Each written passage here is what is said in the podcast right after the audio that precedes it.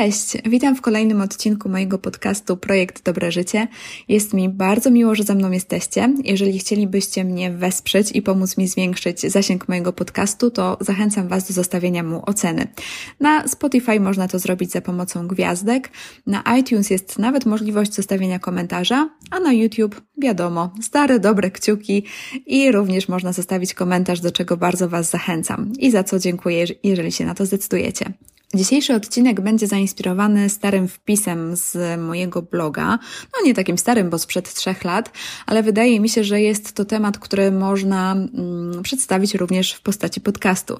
A mówię tutaj o 10 błędach zdrowotnych, których już nie popełniam. Moim zdaniem to jest y, bardzo fajna praktyka, żeby czasami spojrzeć wstecz i zastanowić się, mm, jak, jaką drogę przeszliśmy. Bo to też jest motywujące, kiedy widzimy, jakich zmian dokonaliśmy i mm, jak wiele jeszcze możemy zrobić, skoro udało nam się tak wiele do tej pory.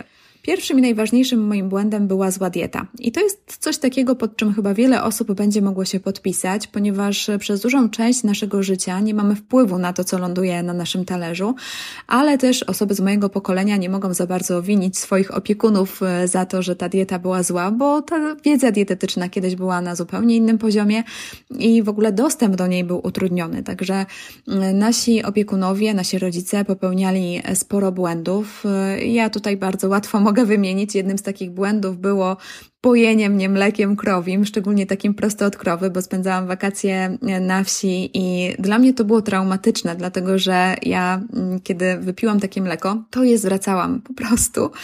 Natomiast e, to były takie czasy, kiedy było przekonanie, że mleko jest najzdrowszym, co można dać swojemu dziecku i dlatego wmuszano we mnie to mleko. Dopiero później okazało się, że mam silną nietolerancję laktozy. Więc ja to wspominam naprawdę traumatycznie i do dzisiaj na sam zapach takiego mleka robi mi się niedobrze. Tak samo było z mięsem. Pamiętacie może te teksty? Ziemniaczki zostaw, zjedz mięsko, no to jak najbardziej. Ja również tego doświadczyłam, a że mięsa nigdy nie lubiłam, to zyskałam miano niejadka. Mm, ale to nie były jedyne grzechy. Poza tym moja dieta była bardzo monotonna. Najczęściej spożywane przeze mnie kanapki to takie z serem żółtym i keczupem, a stałym składnikiem obiadów były oczywiście ziemniaki, które jak się później okazało też nie do końca mi służyły. A poza tym, no, kochałam chipsy, paluszki, słodycze i tego wszystkiego w mojej diecie też było dużo.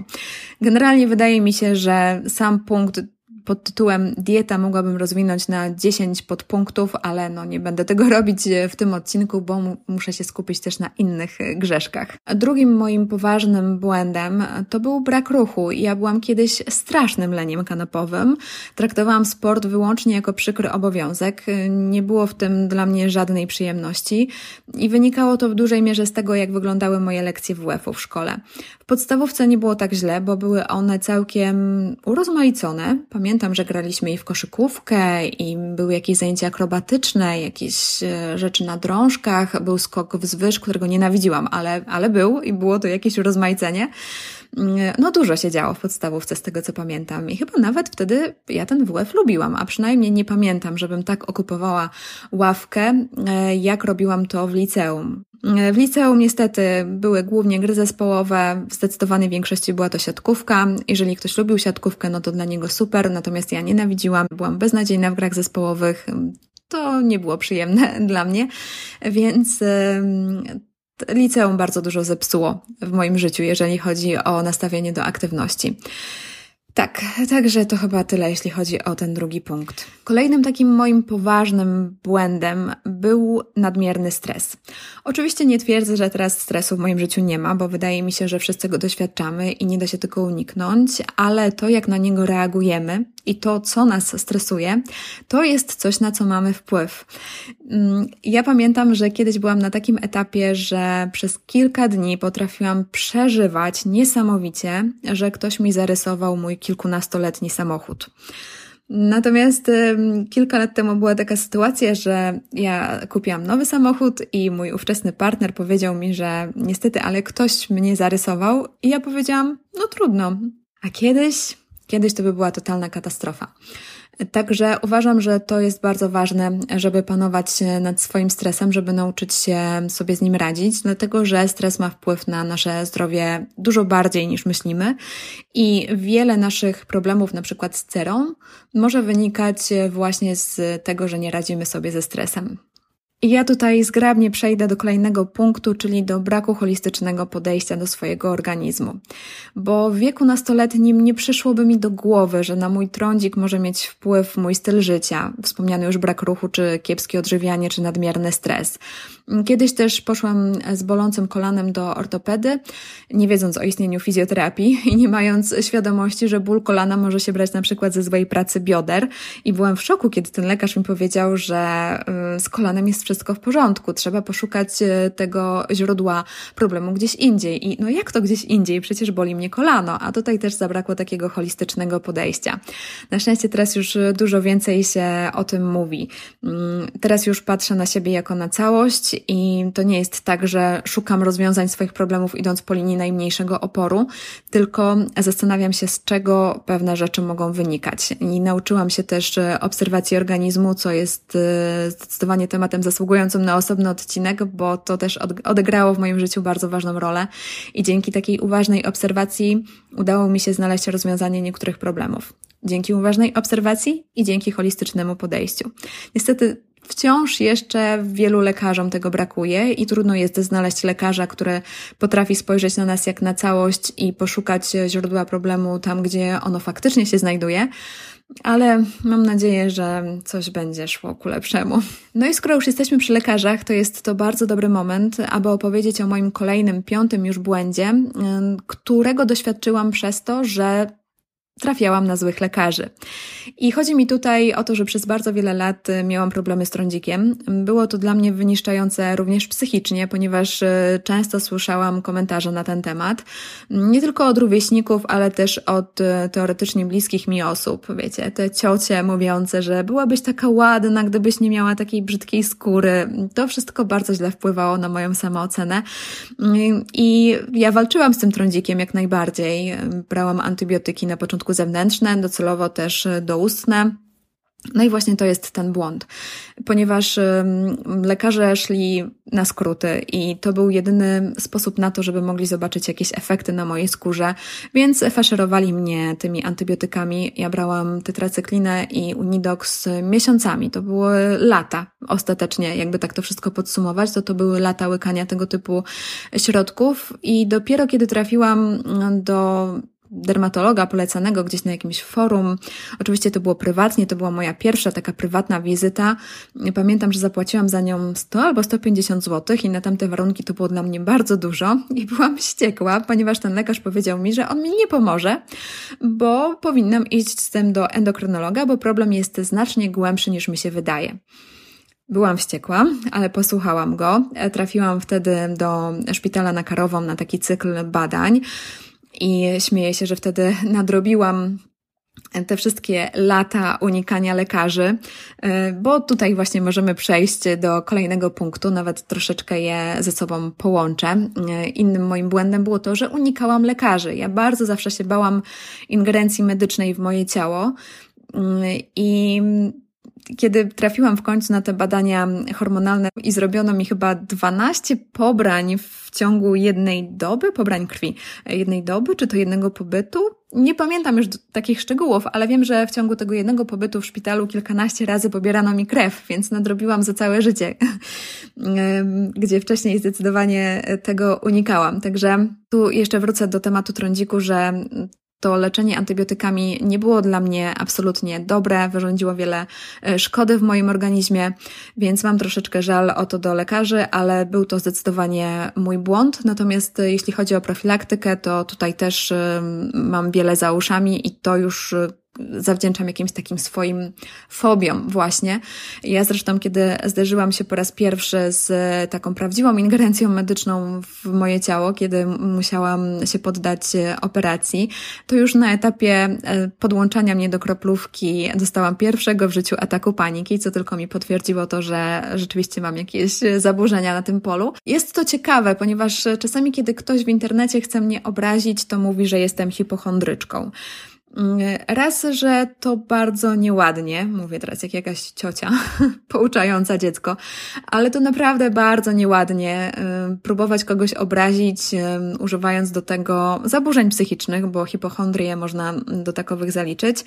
Mm, to nie jest nic złego, kiedy takie rzeczy nam się przytrafiają. Jest to na pewno coś, z czym warto udać się do specjalisty, bo jest to z pewnością bardzo utrudniające życie. Natomiast ja nigdy nie byłam osobą, która doszukiwała się chorób. Raczej z każdym problemem zdrowotnym zwlekam, e, zanim wybiorę się do lekarza i zawsze próbuję gdzieś sama to jakoś uzasadnić e, i dopiero wtedy, kiedy już widzę, że sytuacja jest nierozwiązywalna przeze mnie, dopiero wtedy idę do lekarza i to wcale nie jest tak, że kiedy tylko coś się zadzieje, to ja od razu biegnę i wręcz doszukuję się takich rzeczy. Jest dokładnie odwrotnie.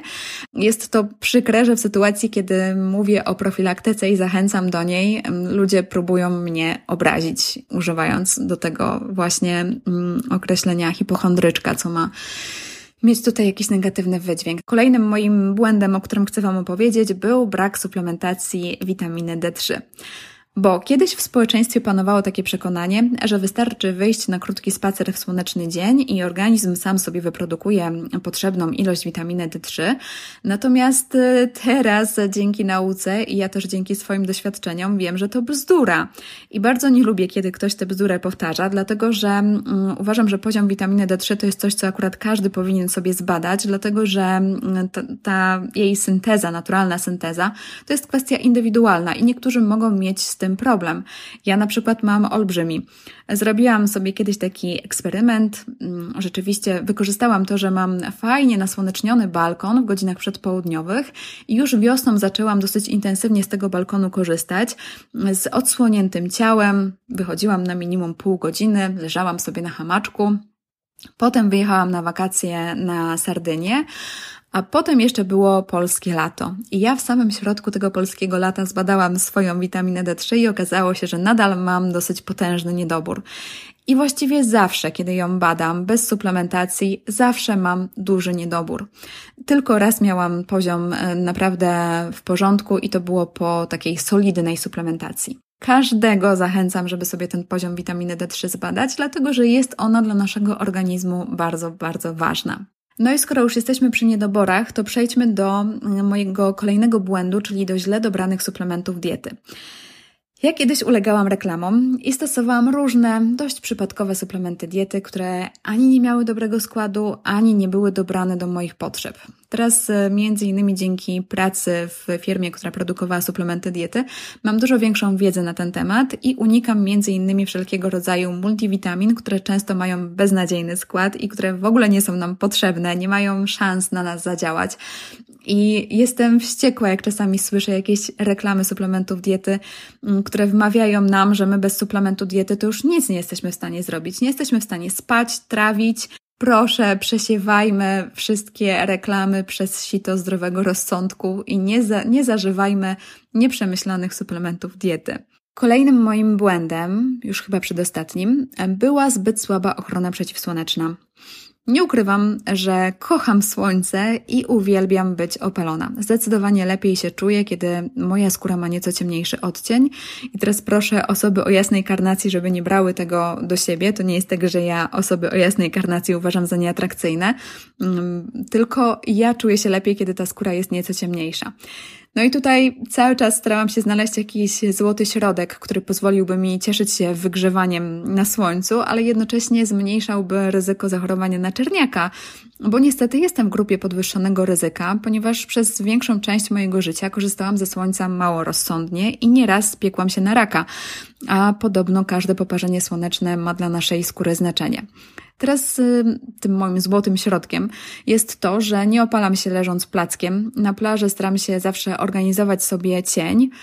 Zdecydowanie hojniej aplikuję kremy z filtrem na ciało i chętnie też noszę nakrycia głowy osłaniające też twarz, a jak już nie mam możliwości uciec przed słońcem, to zakładam bawełnianą, przewiewną koszulę z długim rękawem. I to mi się świetnie sprawdza. Nie pamiętam, kiedy ostatnio poparzyłam się na słońcu, mm, ale też jednocześnie jestem opalona, bo mam taką karnację, że nie potrzebuję tak dużo tego słońca, także wydaje mi się, że udało mi się znaleźć e, ten złoty środek. Mam nadzieję. Ostatnim moim błędem, o którym chcę Wam opowiedzieć, e, jest, była To jest troszeczkę krępujący temat.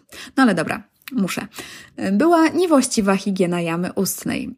I nie mam tutaj na myśli tego, że ja nie myłam zębów, bo myłam co najmniej dwie minuty, dwa razy dziennie, jak najbardziej. Ale mimo to i tak miałam duże problemy z zębami. Mm, dopiero kiedy postanowiłam założyć aparat ortodontyczny, to dopiero wtedy zainteresowałam się tym tematem bardziej, wyleczyłam wszystkie zęby. Później chodząc co miesiąc do ortodonty przyzwyczaiłam się do tego, że ktoś ciągle mi coś w tej paszczy robi. Nauczyłam się też właściwej higieny, zaczęłam stosować regularnie nici dentystyczne, Później, już nawet po zdjęciu aparatu, właściwie dopiero w zeszłym roku, mm, zaczęłam stosować również irygator, który uwielbiam. I dopiero teraz widzę, mm, jak wiele resztek pokarmów zostaje w przestrzeniach międzyzębowych i jak ważne jest doczyszczenie tego. Na szczęście teraz jestem już zdecydowanie rzadszym gościem w gabinecie stomatologicznym, bo rzadko mam coś do zrobienia i chodzę właściwie tylko na przegląd stomatologiczny oraz na takie zabiegi higieniczne jak czyszczenie kamienia czy piaskowanie. To jak kiedyś dbałam o zęby, a to jak robię to teraz, to jest niebo a ziemia i to był olbrzymi błąd, bo mogłam uniknąć wielu nieprzyjemności. Okej, okay. wydaje mi się, że przebrnęłam już przez wszystkie moje błędy i mam nadzieję, że coś wyniesiecie z tego odcinka, bo z jednej strony chciałam Was zachęcić do tego, abyście zrobili sobie taki mały rachunek sumienia, czy jeszcze któregoś z takich błędów nie popełniacie, a po drugie, mm, chciałam Was zachęcić też do tego, abyście spojrzeli wstecz i też zobaczyli, jaką drogę przeszliście. Bo uważam, że to może być motywujące, bo skoro byliśmy w stanie wprowadzić tak wiele zmian, to może będziemy mogli zrobić ich jeszcze więcej, jeżeli są jeszcze jakieś płaszczyzny, na których chcemy popracować. Z mojej strony to już wszystko. Dziękuję Wam bardzo za obecność i za wysłuchanie mnie. Dziękuję za każdą formę wsparcia tego podcastu i za każdą wiadomość. Do usłyszenia za tydzień. Pa, pa.